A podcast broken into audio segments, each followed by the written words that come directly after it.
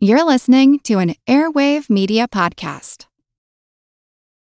This episode is brought to you by Visit Williamsburg. In Williamsburg, Virginia, there's never too much of a good thing. Whether you're a foodie, a golfer, a history buff, a shopaholic, an outdoor enthusiast, or a thrill seeker, you'll find what you came for here and more. So ask yourself, what is it you want? Discover Williamsburg and plan your trip at visitwilliamsburg.com. Another day is here, and you're ready for it. What to wear? Check. Breakfast, lunch, and dinner? Check. Planning for what's next and how to save for it? That's where Bank of America can help. For your financial to dos, Bank of America has experts ready to help get you closer to your goals. Get started at one of our local financial centers or 24-7 in our mobile banking app. Find a location near you at bankofamerica.com slash talk to us. What would you like the power to do? Mobile banking requires downloading the app and is only available for select devices. Message and data rates may apply. Bank of America and a member FDIC. This is Kick-Ass News. I'm Ben Mathis.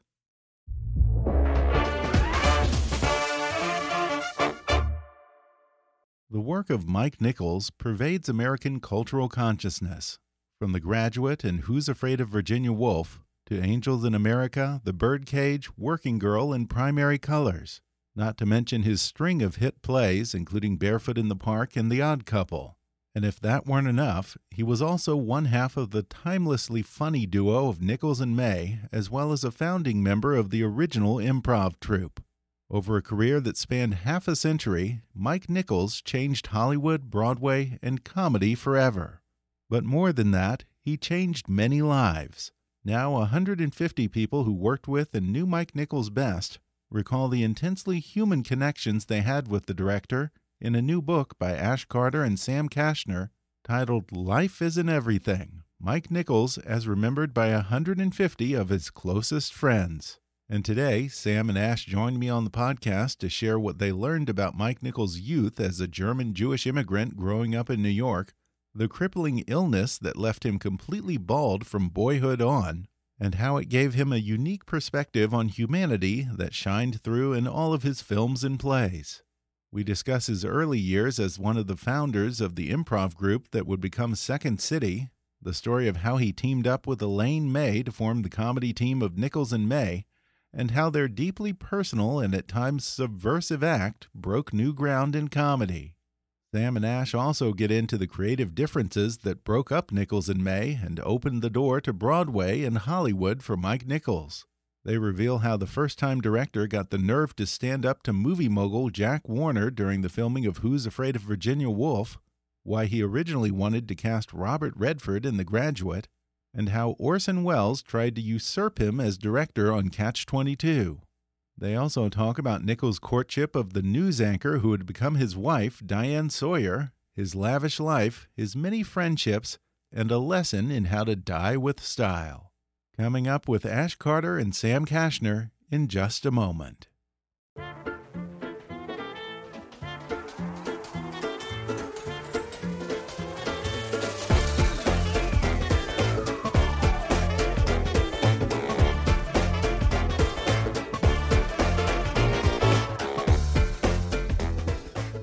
Ash Carter is a writer and editor whose work has appeared in Esquire, Vanity Fair, Town and Country, and the New York Times. Sam Kashner is an editor at large at Airmail and was for many years a contributing editor at Vanity Fair magazine. He's also the author of several books, including the recent New York Times bestsellers, The Fabulous Bouvier Sisters, The Tragic and Glamorous Lives of Jackie and Lee, and Furious Love, Elizabeth Taylor, Richard Burton, and the Marriage of the Century. Now, Sam Kashner and Ash Carter have teamed up to shed some light on the life of one of the all time greatest directors of the stage and screen in their new book, Life Isn't Everything Mike Nichols, as remembered by 150 of his closest friends. Sam and Ash, welcome. Thank you. Yeah, Great thanks to for be having with us. you. Just for the listeners, uh, you know, I had former Secretary of Defense Ash Carter on the show a while back, so I feel like I kind of have to preface this by clarifying for the folks listening here that this is not the same Ash Carter, by the way. Yeah, it's a common mistake though. In Yeah. fact, there's a uh, New York Times book review that um, mistakenly mixed this up, and they had to print a correction afterwards. Oh, you're kidding. yeah. Now, for anyone listening who might not know the name Mike Nichols, I guarantee that they know his work. Uh, he was the multiple EGOT winning director behind the original Broadway productions of Barefoot in the Park, The Odd Couple, Plaza Suite, Annie, The Real Thing, Hurly Burly, and Spamalot, as well as movies like Who's Afraid of Virginia Woolf, The Graduate, Catch 22, Carnal Knowledge, Silkwood, Working Girl, Biloxi Blues, Postcards from the Edge, Regarding Henry, The Birdcage, Closer, Charlie Wilson's War, and Angels in America. Gosh, did you guys watch all of those when you uh, decided to write this book? Yeah. or rewatch them, I guess? Absolutely. Yeah. yeah. some of them multiple times. And and and by the way, there's also his his the first thing that he kind of became a household name for was were his comedy albums for the Elaine May. Yeah, and I want to get to those, uh, you know, but at first I'm interested in the subtitle of this book because it sort of underscores how everyone seemed to feel that they had this intimate relationship with Mike Nichols and how in the every interaction that people had with him whether it was personal or professional whether it was over the course of decades or just a single film everyone who knew him felt that they got something personal from Mike Nichols. True. Well, he just he had a gift for friendship. He was Ash and I often thought that we could call this book, you know, seduced because I mean he was he could be uh, the most charming, seductive, uh, entertaining, you know, the best dining companion you could imagine in uh, in New York, which is which is saying something. Mm-hmm. Um, you know, I mean, so he he uh, he did have these very often long-lived friendships and relationships with you know also equally complicated people. I mean you know uh, natalie portman who started to cry when she was remembering mike. And Really? yes and meryl streep who uh, still to this day finds it very hard to, to talk about him without breaking up. So so um, Yeah, his his uh, one one of his agents uh, said that you know there's a lot of people in show business who can they're sort of your friend as long as the movie's being shot and Mhm. then it's over. But that Mike had Right. this this gift for maintaining, really maintaining these, you know, what and turning these relationships into genuine friendships. And uh, yeah, I mean, there there really was no. If any, we really had to cut ourselves off at a certain point because yeah? the, the the we could have gone on and.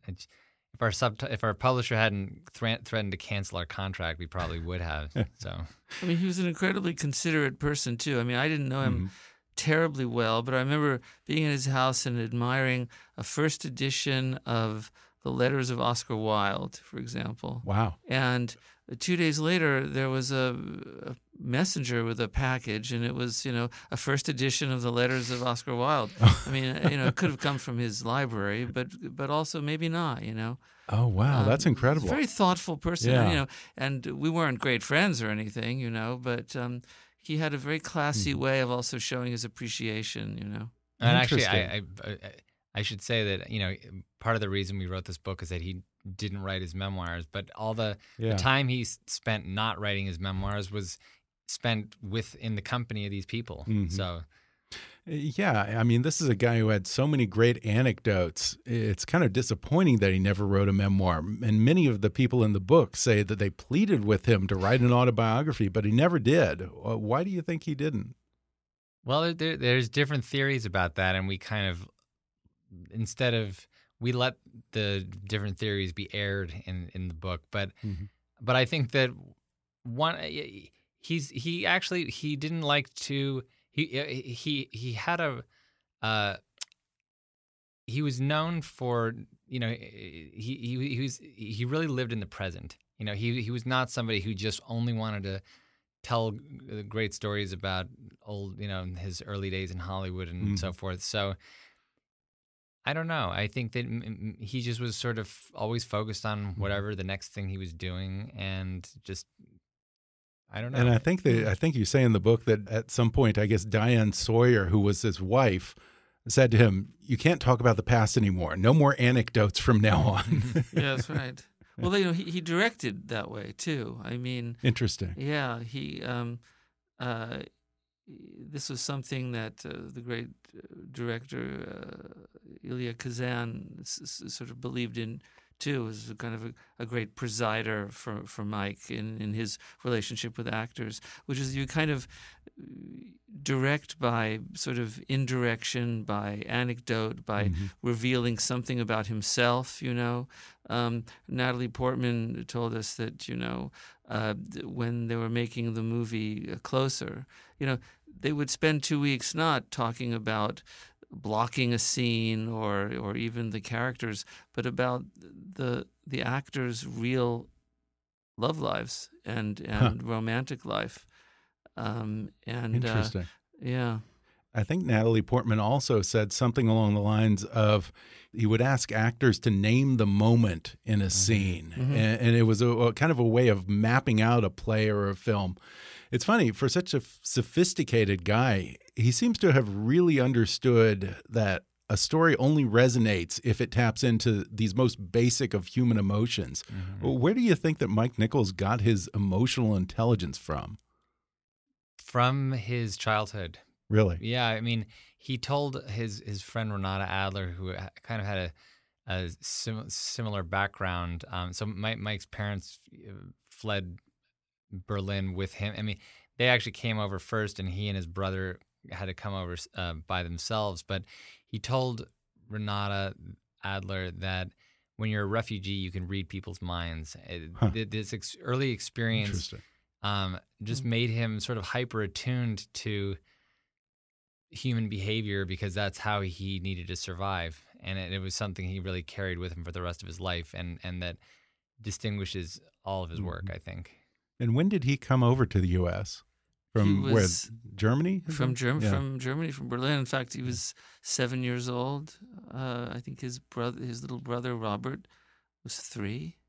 Uh, alone on this gigantic um, ship uh, called the Bremen, which docked in New York from Berlin. In fact, um, Robert Nichols, who became a physician, Doctor Robert Nichols, uh, told us uh, one of one of the the last echoes of Germany that they heard before boarding the ship was Hitler's voice over the loudspeaker. Oh wow! You know, Wow. uh, and that it, it always stayed with with especially Mike, although he didn't talk about it that much. That they really just barely escaped with their lives. You know? And it's interesting because you talk about how he kind of had two hits against him coming to America in the 50s because he was both Jewish, Yeah, but he was a German speaking Jew. And so, you know, that was probably the least popular language in America at that Yeah. Point. That's right. Yes, Mhm, that's right. in fact, just off of the Bremen, um, he's uh, early on when his father came to pick them up, he saw the Hebrew letters in a in a shop window, and he asked his father, "Is that legal here?" You Wow. know? Mhm. Yeah. So I mean, I, I, on top of that, his he is kind of stricken with some. It's not fully clear what caused it, but he uh, gets alopecia when he's a- a young boy and Yeah. loses all of his hair, which is becomes a lifelong condition that he has to deal with by kind of applying painstakingly applying wigs every morning. And then his father dies when he's 10, uh, who had previously been a pretty successful doctor. And, uh, you know, so not only is he, does he lose his father, but they also kind of lose their, their, uh, you know, they, their standing and the, the mother's forced to really struggle to make ends meet and they kind of, their standard of living really plummets and, you know, Mhm. he spends the rest of his kind of adolescence in poverty essentially. So it's a lot to overcome in, in his early life. Uh, Yeah, later in the book, a lot of people talk about an interesting period in his life where he became obsessed with money. And he was just convinced that he was going broke, even though he had made all these hit movies and all these hit shows that were, you know, just pouring money into his coffers. Yet he thought that he was going to die broke and he just would completely people had to show him his finances and, and that Yes. even that wouldn't convince him that he was secure Yeah, and it's is that where that comes from in Uh, some yeah, sense kind of like depression era people exactly? It's very Oh, common. Pe- people who Mhm.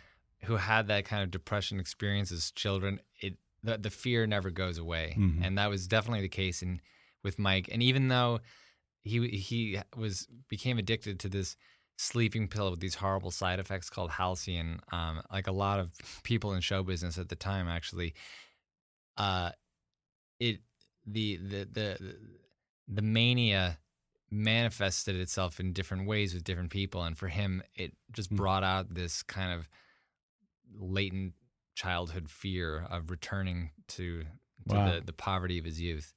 How about the baldness? I mean, he was bald his entire adult life, or even before As that. child, he lost yeah. all and all of his hair, all over his body, and he had Mm-hmm. to wear apparently wigs and toupees every day. In fact, he uh, I think that you said that he had a, a different toupee pretty much for every day of the week, and they were always perfectly groomed and all that.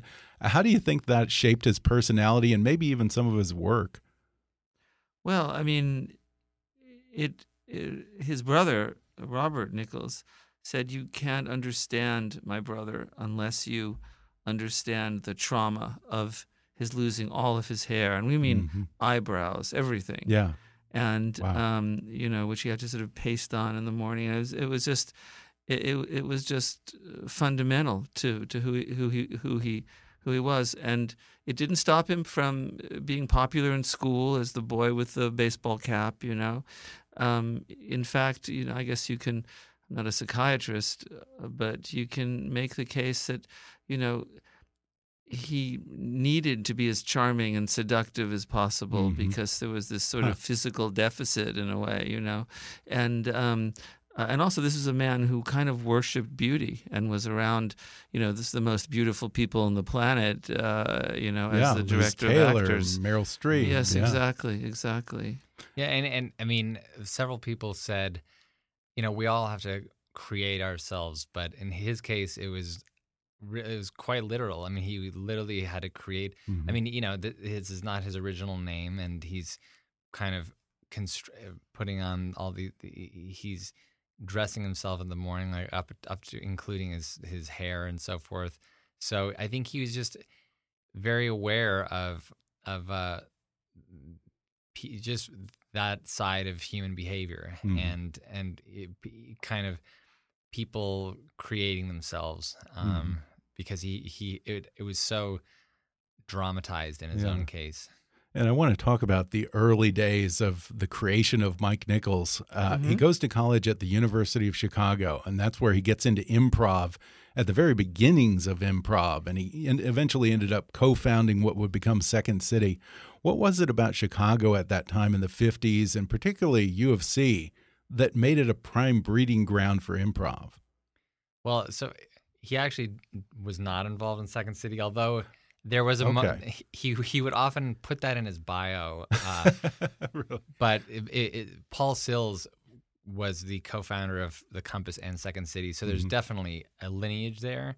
I mean, the people who were at Second City worshipped Mike, and that also includes the the founding cast of SNL. You know, Lorne Michaels told us that the, the Compass really kind of led directly to the creation of SNL in Huh. certain ways.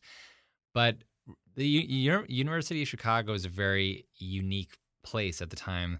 It was it had the one of the youngest uh, college presidents in America. This guy Robert Hutchins, who was just hyper intellectual. He got rid of the football team and basically reoriented what had been kind of a middling school uh, onto the Great Books program. And the he had this policy where you anybody could get in if they passed this test. And so Hmm. you had some people who were you know really young, like in their 15 year olds, 16 year olds, and then also uh, soldiers on the GI Bill. So you'd have Huh. somebody 16 and somebody who's 30 in the same classroom.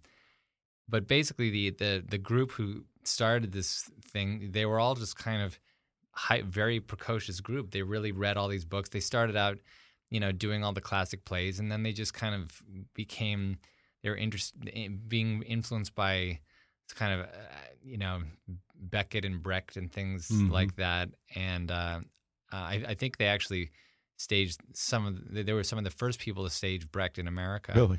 Huh. Um, but so the, the the compass was was formed by these two guys, Paul Sills and David Shepherd, and they were Shepherd is very political, Sills is very avant garde, but they didn't they were they did not intend for improv to be a comic form.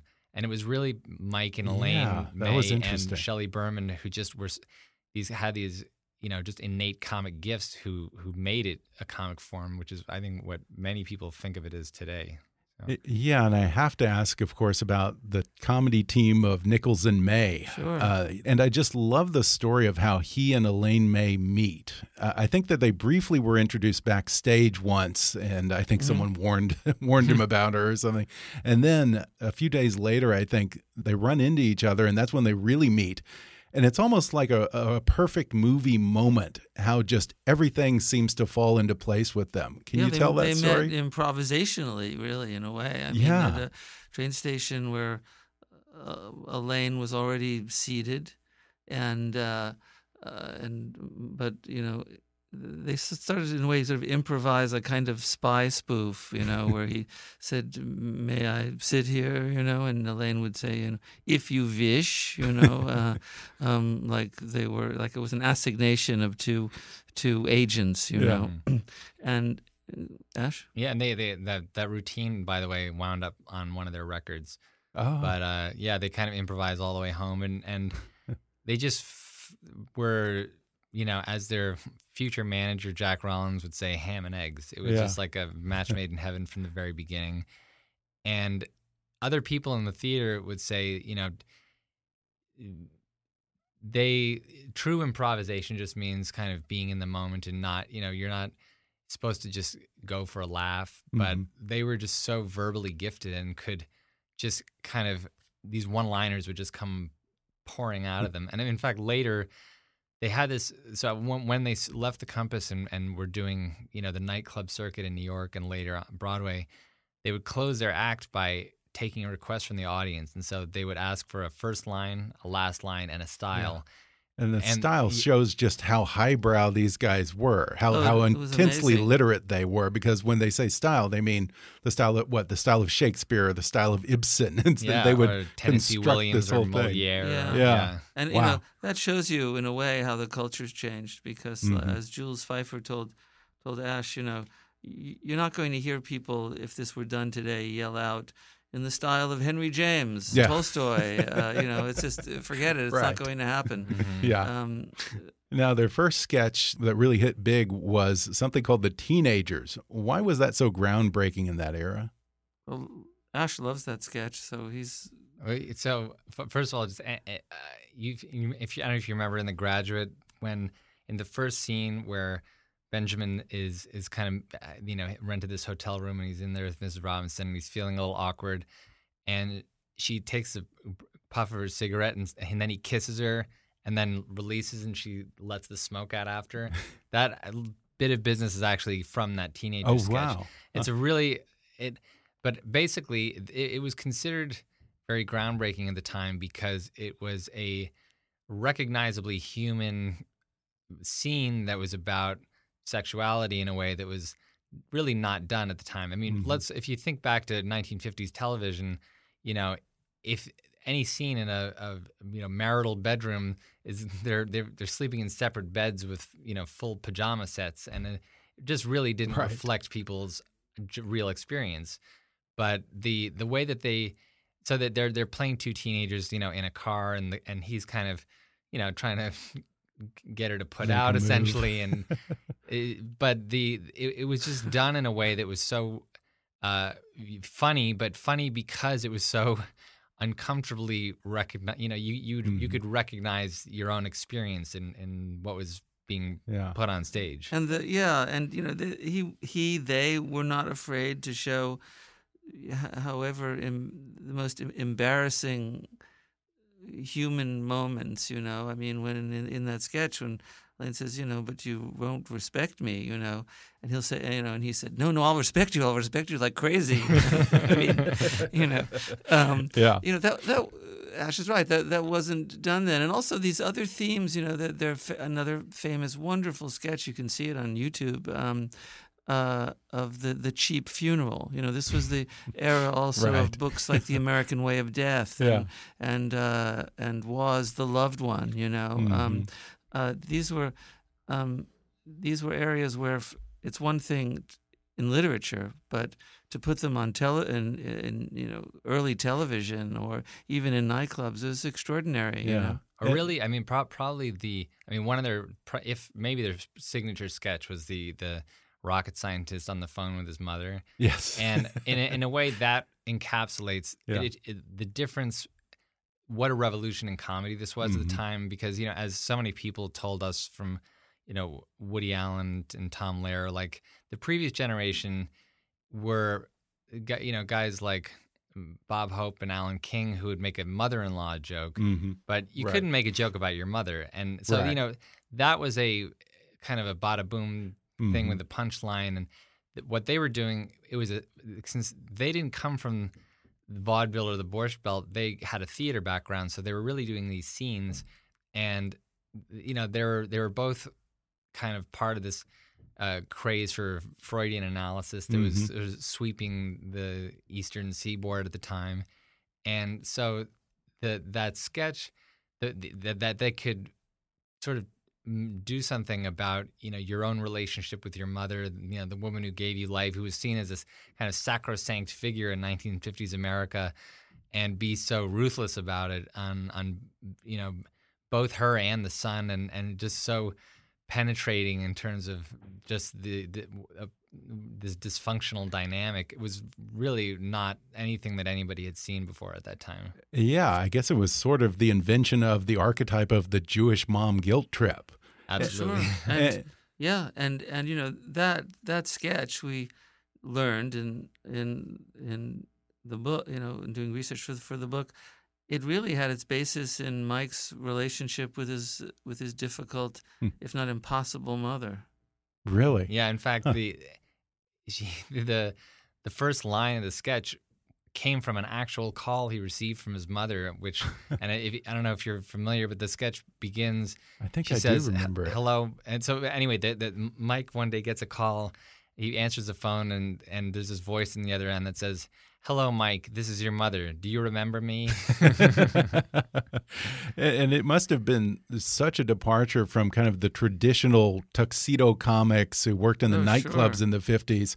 And when I listen to old comedy albums, I do find that Nichols and May are way more timeless than Yes. other comedians of their era because it's tied to human emotions, not current events or topical true. things. yeah, even yeah. You're you're in good company, or he is, because Paul Simon feels as you do that that he said, you know, I used to worship Lenny Bruce, but Lenny Bruce actually seems more dated to me. Hmm. He said than than uh, than Nichols and May. Yeah. Yeah. Wow. And we're, ju- I mean, just while, while we're talking about this shift in comedy, I mean, one thing Lorne Michaels told us was that, so, you know, he's a whatever teenager in Canada at the time and said that of this group, you know, Nichols and May um, among them, of comedians, that th- this is really the first, they're, they're, as op- opposed to the previous generation of comedians that where you had joke writers and, and performers, these are writer performers. And it's a little bit analogous, and this is what Lorne said to what was going on in music, where suddenly you've got these, you know, Huh. groups like the Yeah. Beatles who are both writing and playing the songs, Uh-huh. and it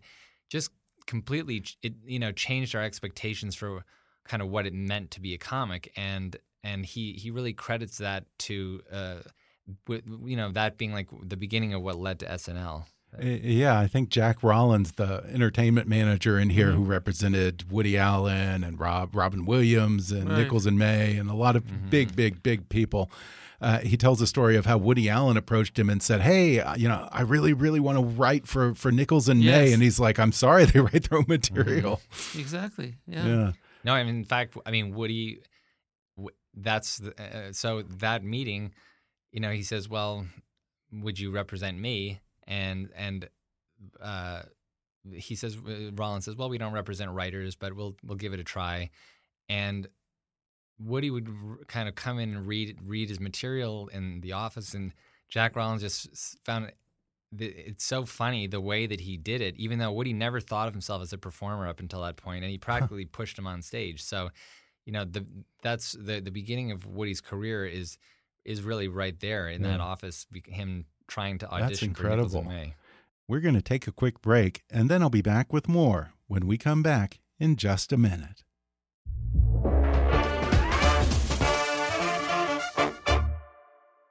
For over 15 years, Oris has been making purely mechanical watches in Holstein, Switzerland. Staying true to a rich heritage, Oris is one of the few Swiss watch companies to remain independently owned and operated. Because of that independence, Oris has the freedom to follow its own path.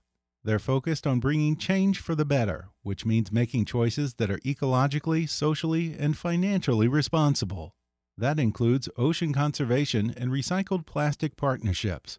Of course, that's along with Oris's more than century long commitment to making inventive, high functioning Swiss made watches that serve a real purpose at a price that makes sense, the best possible watch for the money. Comprised of four themes diving, aviation, motorsport, and culture, Oris watches are made for everyday wear. Shop the many different unique styles at oris.ch slash kick. You're sure to find one that's your style and suits your taste. That's oris.ch slash kick. And now back to the podcast. And some of the people in this book talk about the fact that Elaine May wanted to be a pure improv act. And Mike, course, being the, the director type, wanted to script out their sketches. And she would sometimes drive him nuts when she would go off script. Was that what eventually led to their breakup? Yeah, I mean, she didn't want anything to get stale. You know, she Mhm. she grew out of uh, improvisation, and that that's why they they weren't. Even though they appeared on an, an early television show called Omnibus, which was you know kind of helped make them kind of a household name, but they weren't great in a way great on television. She she balked at it. She balked at the the sameness of it, the the repetition. The, I mean, he he could have lived with it, I think, Mhm. um, but she but it made her very restless and kind of claustrophobic. Yeah, in fact, Bob, Bob Newhart told us a story about so when they they uh, they take their nightclub act to uh, on Broadway, and it's this show directed by Arthur Penn, and he said that they needed to put their routines down on paper so that the lighting people would know kind of when to hit the cues. Oh, Yeah. and she comes over to Mike and says, "We can't do this sketch. It's not funny." And he says, "What are you talking about? This is one of our best routines." And she says, "It's not funny. I just saw it on paper." so that, that Yeah. kind of gives you a sense of Wow. what her attitude was. And after the breakup, uh, he goes through a little bit of a, a period of depression, and then he hits it big because he teams up with Neil Simon and directs three monster hits on Broadway Barefoot in the Park, The Odd Couple, and Plaza Suite. And I found something really interesting that Neil Simon said in here. He said, I'm, I'm paraphrasing here, but he said Nichols could find new depths of meaning in scripts that even he hadn't realized.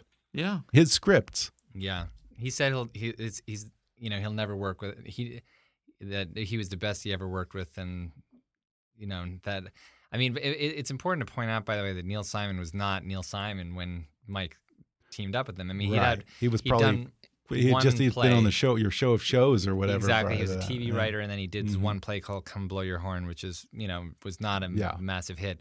So it was really the the combination of those uh, sensibilities that that made those shows such phenomenal hits. I mean, there was a point where they were all three.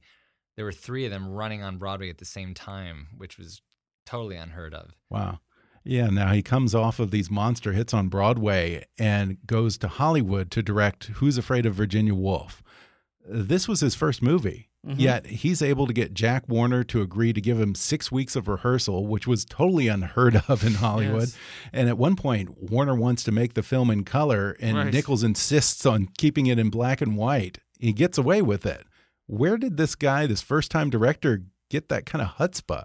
Well, he was, you know, incredibly willful, and he was also young. Uh, But you should explain how he linked up with L- Liz. oh well, and also he had the tremendous good faith and clout of Elizabeth Taylor and Richard Burton. Okay. Um, you know, uh, the the um, an evening with Nichols and May, and Camelot, wasn't it? Mhm. Uh, were kind of cheek by jowl on Broadway, and Mhm. they would, you know, he and Burton would, you know, steal smokes in the in Shubert's alley, you know, Yeah. and um, and in, fact, we begin the the book with uh, with an, an, an excerpt from Richard Burton's diary, where he Yeah. he goes through all the, the the sort of great figures that he knew, Churchill and. Uh, um, Picasso. Picasso, and Somerset Maugham, and even Edward Albee, and you know, you know who, who and he calls it the Burton Stakes, you know, for sort of the greatest per- person he, he knew. And he kind of settles on. He decides it's it's a toss up between Mike Nichols and Noel Coward. You know that they were just so Yeah. so dynamic and charismatic. And, yeah, um, both great wits, but yeah. couldn't have been more different. I mean, you know, a, a waspy, you know, gay True. Englishman Yes, and yes. an Nebuchadnezzar Jewish immigrant from Central Europe who almost was obsessive over women. It's Yes. true. Although Yeah. although they, a lot of people invoked Coward with Mike because he was just such a bon vivant. He was Mhm. so just the zenith of sophistication, and he could speak in kind of these devastating epigrams, and, Mhm. which is a very all kind of Noel Coward qualities. But Yeah. you know, Maureen Dowd in a way kind of summed it up perfectly when she said that Mike was a Noel Coward figure with a Jerzy Kosinski past. so he has a huge hit with Who's Afraid of Virginia Woolf, and then he follows it up with perhaps his best film, The Graduate, which he won an Oscar for. But when he pitched it around town, no studio wanted to make the movie. Why not? Well, so Larry Turman, uh, who we actually just came from lunch with uh, just now, but he, Larry's the one who, who optioned the book and he brought it to Mike before he'd ever directed a movie. Um, and uh, so at, at the time, just no studio would take a chance on him, essentially. Now, while he's on lining him or on the, the on- on subject him. matter? on him, Okay. on Mike because he just wasn't well known enough. And so while he's still struggling to kind of line up the money, Mike gets the, the Virginia Woolf job because of his relationship with Liz and Dick. And so by that point, I guess it was enough. But it was still really kind of an independent movie. mhm. Mhm. Um, and you know he Turman got this who uh, the guy who he affectionately refers to as a schlockmeister, Joe Levine, to uh, put up the money basically. And it was made for not a lot of money, and made a hell of a lot of money on the on the other Mhm. side. So and he originally wanted Redford for the lead, Yes, right? uh, Not Robert Dustin Redford, Hoffman. Yeah, and That's uh, terrible Candice casting. Bergen auditioned together. I mean, it would have made more sense if they had, you know, if they stuck to the original idea of the book about these Mm-hmm. actually wasps from uh, blonde wasps from Pasadena. You know? Okay, yeah, yeah. Yeah, um, but you know, they decided to sort of flip it. You know, Mhm. um, Mike and and and Buck. Uh, Yeah, it's kind of funny that you have a Jewish director, a Jewish writer, and a Jewish star making a movie about wasps in Pasadena. yeah, exactly. Yeah. And you know he, they don't change. They don't change the names of the characters or Mhm. anything like that. They don't make any. But just by casting this a Jewish actor and uh, you know not Paul Newman either. I mean, this guy's nobody's idea of a leading man at the time, including his own. Uh, in Dustin fact, Hoffman? yeah, he, he Yeah. actually turned down the part at first because he said, "Look, Mr. Nichols, you want a guy like Robert Redford," and Nichols said, "You don't want to do it because you're Jewish." And Hoffman said, "Yeah," and Nichols said, "Well, maybe Benjamin is Jewish inside." and there was th- that that kind of what that was a complete i mean that's really not in the book and it really Yeah. uh it would have been such a different movie if if he had gone with the traditional leading man type that that it w- anybody else would have gone with hmm but he just by by putting a a mo- you know a guy like Hoffman in that part, he just made he closed the distance between the audience and the character. So instead of just you know looking up at some you know teen idol on the silver screen, this is a guy who they kind of can see themselves in a little bit, hmm and and it just it. Makes changed it so- everything. it changed everything. Yeah. yeah. Yeah. Now, th- after that, he does Joseph Heller's Catch 22. He brings that to the big screen.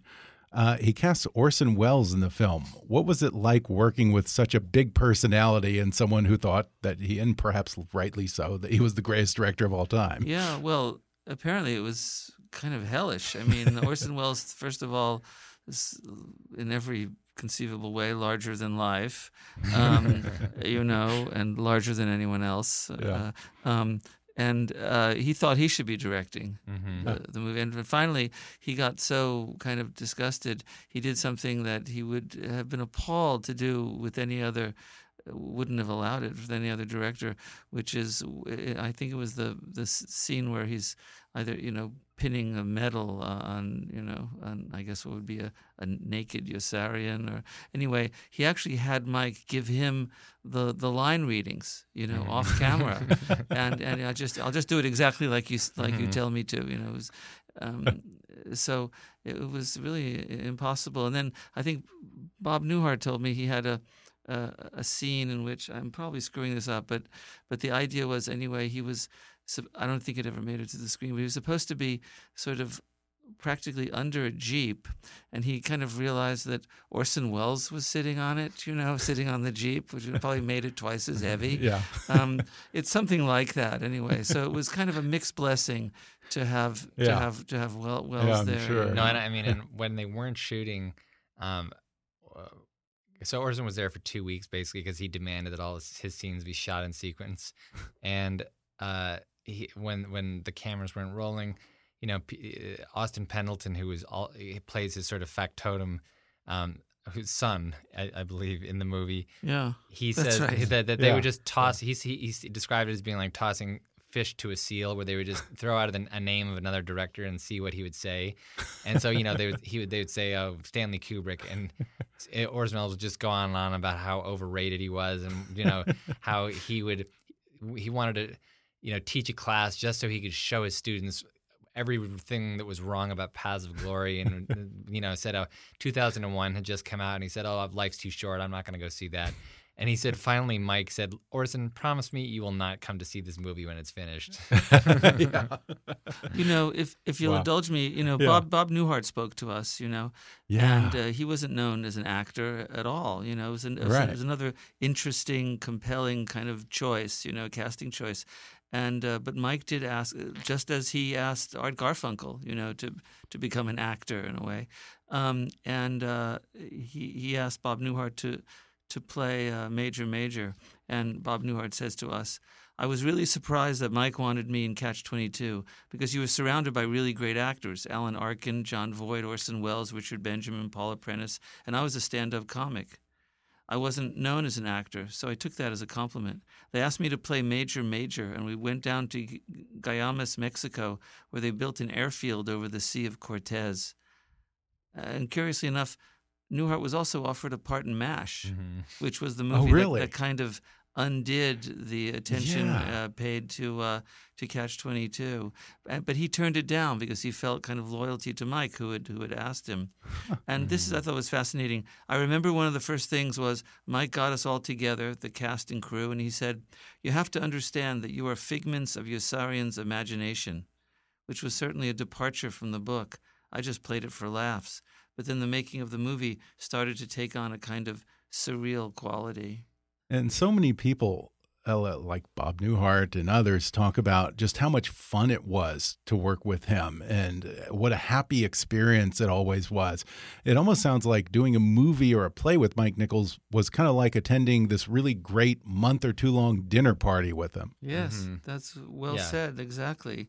I mean, not, not it wasn't always a joy. If things, if people were screwing up or, or you know, not meeting their marks, he could be pretty withering. But if people kind of really uh, pitched in, then yes, it was a great experience. Yeah, and I think that comes out with uh, Working Girl. I guess at some point uh, you say that Melanie Griffith or Melanie Griffith says that she showed up drunk on set, and he actually asked her to pay, I think something like what eighty thousand dollars Yeah, in she screwed production up a costs. night's uh, shooting, and and they and they felt they had to punish her, or there had to be a consequence, Mm-hmm. and uh, it cost her um, eighty thousand uh, dollars thirty years ago. You know, it's still a lot of money, but I mean, uh, and she kind of learned a, a lesson from it. I mean, they, you know, um, Yeah, she she credits that as being a real turning point in her kind of struggle with uh, substance abuse. But yeah. And, and I mean, on the other hand, he could have ratted her out to the studio, and True, he he, he chose No, to ask right. her to pay that instead of ratting her out to the studio, which that would have likely ended her career if he had done that.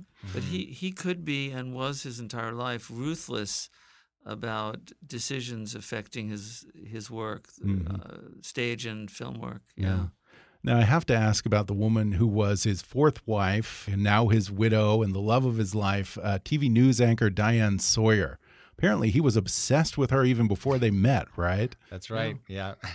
Um, he, he, you know, he, Tom, uh, um, Tom Styron, William Styron's son, told a story about Mike was over at their house in Roxbury, Connecticut, and suddenly 60 Minutes comes on, and this is right when she had just joined the show, and he was just kind of, you know, thrown back in his chair. Uh, said that's the most beautiful woman I've ever seen, and so. Uh, Bobby Greenhut, he uh, who produced a number of Mike's movies, said that uh, he was having lunch with Mike or something, and and Mike said, "So you know, I, I just had a date with Diane Sawyer," and Bobby Greenhut said, "Good for you. Do you get any?" But anyway, yeah, I mean, it really was it, it, it, that you know he he's a guy. So it's I mean, we we just uh, you know Doug Wick the producer of Working Girls said that that um, you know Mike w- had this real romantic side, which comes out in that movie, w- which he made while they were first going out, and so. Hmm. But you know, this is a guy who also made Carnal Knowledge and Heartburn. I mean, some of the really kind of most uh, you know hard to watch movies about just the, the horrible ways men and women can treat each Mhm. other. Um, but he he said to many people he, he kind of finally got it right with her and and you know l- l- you you know they were married for how many years so Well, I mean, they married in '88, 88, and he mhm. died five years ago, and it Yeah. was yeah, it's um, you know, he described himself as uh, uh, as a Pinocchio, you know, but Pinocchio who became a real boy, you know, and and uh, Candy Bergen and some other people called it the Diane effect on his Mhm. on his personality, that it made her made him a better and nicer Mhm. person. Uh, Peggy Noonan, you know, the columnist Sure. and, and speechwriter uh, for Reagan. Um, this is Peggy Noonan. I said to Diane once, we were talking about marriage, and she had by that point been married long and happily. And I said, Oh, Diane, don't you think you were made to be married? And she said, No, I don't think I would ever have been married if I hadn't met Mike. Wow. mm-hmm. Yeah. Now, she is one of the few people who didn't participate in the book. I'm assuming that you did approach her, though. Yes, well, we certainly couldn't have done this book without her, in a way, her a kind of benediction, you know. Oh, really? Um, yeah, the example we give is uh, Samuel Beckett's response to his biographer, Deirdre Bair. Um, she wrote him cold. Uh, she was a, a young writer. And he basically said, I'm not going to help you, but I'm also not going to hinder you. and at the beginning, this was, I think, Diane's approach. But when we really needed her, uh, when we needed her to kind of go deep in, in in our into our bench and find somebody that we wanted to talk to, she was she was willing to be Really? helpful. Yeah, Interesting. yeah. Now, he had this rather charmed life, both in terms of the people he surrounded himself with, but also just the lavishness and the style with which Mike Nichols lived. What was it like to be Mike Nichols? I wish I knew. uh, you know. Um, Well, you you you met him uh, several times. Yeah. Well, he, you know, Candy Bergen said that he really, you know, no one really lives like that anymore. But he did live like a prince. You know, I mean, uh, you know, he he he bought and sold Arabian horses on. Uh, And would have tr- kind of beautifully lit and choreographed uh, horse shows, you Mhm. know, uh, two horse ranches, you know, one in Santa Barbara and the other was in Connecticut. um, and uh, And an art, quite an art collection Oh, as well. absolutely. Uh, i i in fact, um, I'll tell you quickly an anecdote. It was not, not in the book, involved me. Um, uh, I was at their home and I thought I would kind of show off. And there was a painting. It was either hanging in the bathroom or, or right uh, in front of the, on your way to the bathroom. And I came back and said, you know, that really reminds me of, um, of uh, it's, I forgot the artist's name now all my proper nouns are going somewhere to die. but um, I, it might have been a Rothko, like a Rothko. And I Yeah. said, you know, Wow. that really reminds me of a Rothko. And and, and Mike said, well, it, I hope so because it is a Rothko. you know. yeah no, his his longtime assistant director told a story that they were having some meeting in the pre-production phase of some movie and um, he was kind of meeting with the production designer and trying to explain what he wanted for the color palette of the movie, and, it, and was sort of struggling to find the words. And so he says to the assistant director, "Just bring in the small Matisse." I love that story. Yeah, yeah. it's really extraordinary uh, the, the the way the way the way that he that he lived. Yeah. And, and it's ironic because at some point, I forget who says this, but someone recalls him saying, I'd love to know what it's like to be rich. he Yeah. always felt that he needed more and he just Yes. wanted to be able to acquire so many things. Do you think that he agreed to do some films just for the money that he maybe later regretted? Certainly, there were some people who told us that, and you know, those people who said that they really only said it in a, s- in a spirit of disappointment because mm. they knew they just felt he, there was nobody more capable and more brilliant, and it kind of hurt them when they felt like he was being hi- compromised a little bit in his Mhm. his uh, creative judgments. Um, I mean, just to give an example, uh, he he was originally supposed to direct Remains of the Day, and Oh, really? yeah, and and Huh. um, That's an but he but he asked choice. he asked the studio for 25 million to make the movie, which at the time, you know, nowadays in the era of like 300 million, it doesn't sound Yeah. like much, but, But it- that at was the also time, for Merchant Ivory. exactly That this was is a Merchant lot of Ivory money. Movie. This was a lot of money, Right. way more than anybody else would have made that movie for, and so he he is uh with his friend John Calley, who the the studio head at the time, and John Calley says, "Let me ask you, does it make you nervous? Remains the day 25 million. And Mike says, "I I can't sleep at night." and he says, "Well, why don't you just get out of it then? You know, because I'm telling you, the studio would rather you do Wolf." And so that's basically what he, he wound up producing Wow. Remains of the Day and directing Wolf. And you know, that I don't know if that was such a great choice. So, yeah. um, but but even though he, I you know certainly we're not uh, making the case that his his filmography is without blemish, but at the same time, he was able to.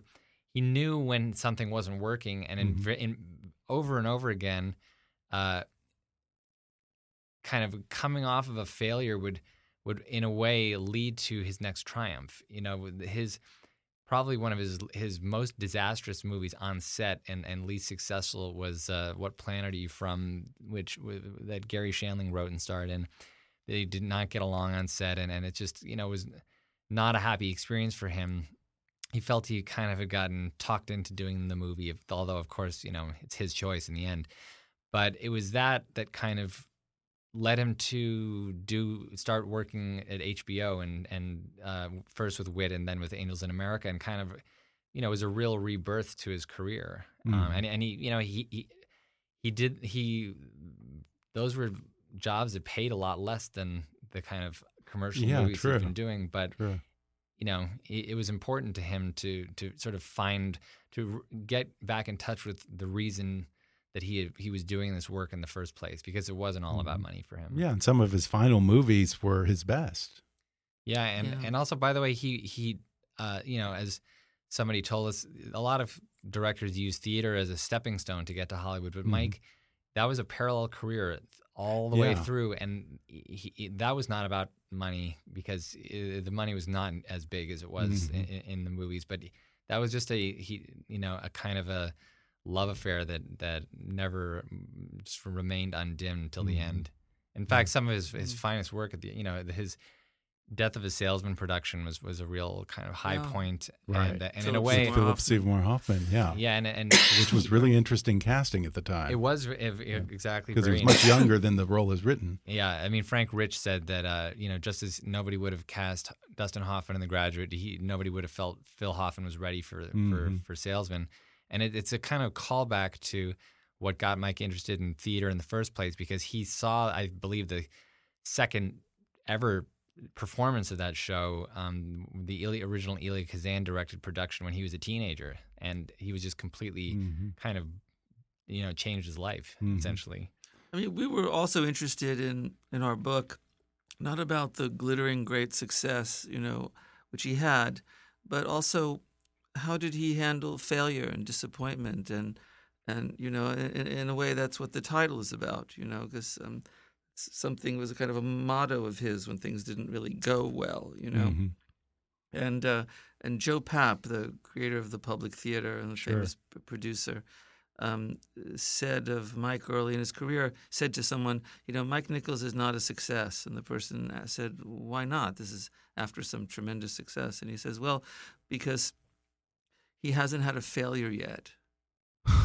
and um, and his uh, his brother Robert Nichols told us that when when they asked Mike about it, he thought for quite a while without a comment and said, "You know, it's true. You have to prove yourself by rising from the ashes." It's why he called his production company Icarus Productions. You know, um, and uh, uh, you know he sailed very close to the sun at the beginning of his career. Mm-hmm but he but he did he kept at it you know um, yeah and had he reinvented himself you know many times yeah. and kept you know he would uh, just coming back from from the ashes exactly yeah well before we wrap up here mm. you know mike nichols just did everything with style and uh, his final weeks on this planet were no exception really and i think there's something wonderfully instructive in here about how he went out in the final weeks before he died. Can you tell us a little about that? His last uh, birthday, for example. So he died two weeks after his last birthday, and uh, Christine Baranski, who he'd worked with uh, first in The Real Thing uh, on Broadway in 1984, mm, Tom Stoppard called him up and said, yeah. "You know, I've got a few days off from The Good Wife. Like, let me take you out to lunch for your birthday." And so he said, "Great." So then she she called up uh, Cynthia Nixon, who's also in the Real Thing, and said, "Why don't you come?" And she said, "Great." And Cynthia said, "Why don't you call Whoopi?" Because uh, he had discovered Whoopi that year and took her to Broadway. And um, and Glenn Close, who's also in the Real Thing, wound up coming.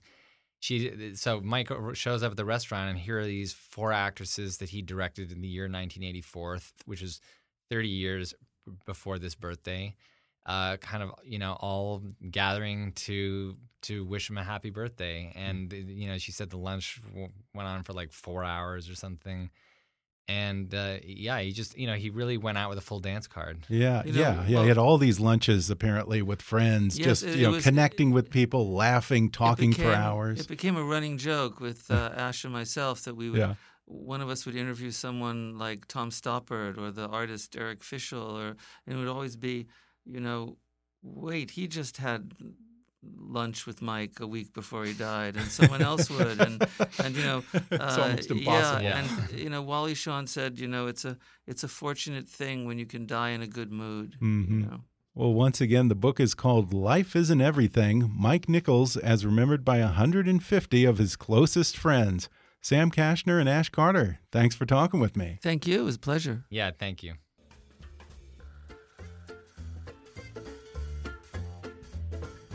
Thanks again to Ash Carter and Sam Kashner for coming on the podcast.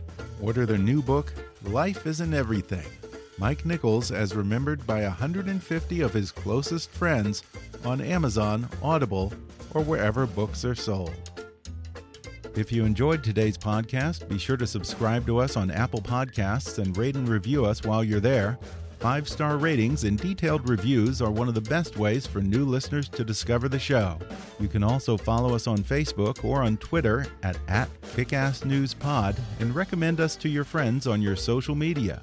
For more fun stuff, visit kickassnews.com, and I welcome your comments, questions, and suggestions at comments at kickassnews.com.